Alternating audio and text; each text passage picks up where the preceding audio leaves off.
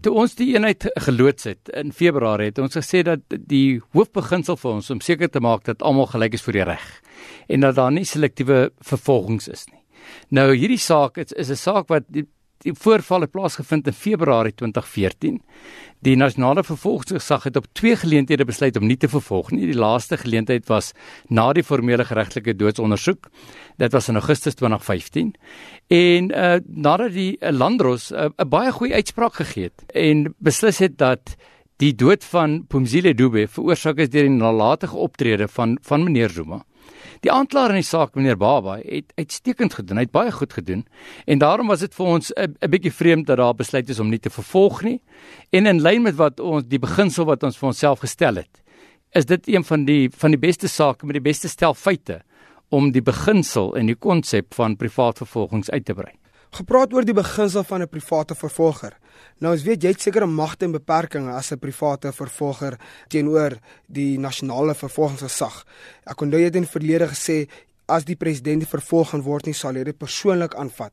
Daar is baie teenstrydigheid in die media oor sy vervolging en ons wil by jou weet, is dit moontlik dat hy vervolg kan word in die toekoms? Wat baie belangrik is, 'n privaat vervolger kan net vervolg indien die nasionale vervolgingsgesag besluit het om nie te vervolg nie. So dis die eerste stap. Die vervolgingsgesag moet alle sake besluit om te vervolg of nie.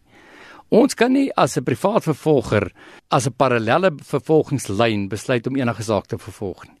So net die sake waar daar 'n beslissing geneem is om nie te vervolg nie, kan ons vervolg. Nou in meneer Duduzane Zuma se saak is daar duidelik besluit om nie te vervolg nie in in die president se saak, meneer Zuma se saak, is daar nog nie so 'n beslissing geneem nie. Die beslissing moet nou geneem word. Inteendeel, ek dink dat die uitspraak wat regter Dwaba in Pretoria gegee het, het hy gesê dat dit is tyd dat die president op die aanklagtes nou antwoord. So daar gaan nou seker verder prosesse gevolg word. En as die vervolgingsgesag besluit om nie te vervolg nie, het ek al in die verlede gesê en sê ons weer, dan sal ons sekerlik na die saak kyk. Maar dan moet eers iets gebeur alvorens ons enige regte het om toe te tree. Verduidelik net vir ons wat is die verskil tussen die nasionale vervolgingsgesag se magte en jou magte as 'n private vervolger? Ja, inderdaad, in terme van die grondwet is daar net een nasionale vervolgingsgesag en ek ondersteun dit 100%. Ek dink nie ons kan verskeie parallelle vervolgingslyne in hierdie land hê nie. Ek dink dis nie goed vir regsekerheid nie. Ek dink wat regsekerheid aanbetref, is daar een vervolgingsgesag en hulle moet hulle eh, hulle magte en hulle pligte uitvoer um without fear of prejudice. So as hulle dit doen, dan het niemand enige regte verder nie. Net as hulle besluit om nie te vervolg nie. En ons dink daar's meriete in 'n vervolging, dan kan 'n privaat vervolger toetree.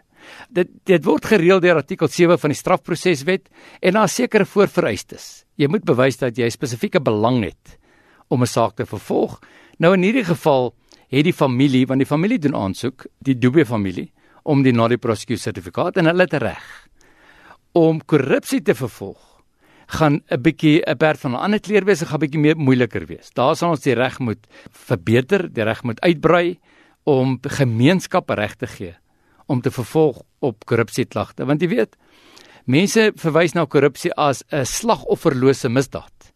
So dis baie moeilik vir 'n spesifieke persoon om te sê hy's benadeel deur 'n beslissing om nie te vervolg nie. So ek is ongelooflik, ek dink is 'n opwindende tyd om die reg te ontwikkel en sou dit gebeur dat ons kan betrokke raak, dink ek is die regte tyd om die reg te ontwikkel. So Gerry, wat is die plan nou met die Duduzani saak? Die bal is nou in die baan van die vervolgingsgesag hulle moet nou 'n besluit neem. Hulle kan een van twee besluite neem. Een, hulle kan 'n uh, sertifikaat uitreik, dan vervolg ons. As ons vervolg, dan moet ons binne 90 dae nadat die sertifikaat uitgereik is, vervolging instel. Maar dan is dit soos 'n normale hof, normale howe, normale bewysregreëls, normale reëls van proses sal dan geld.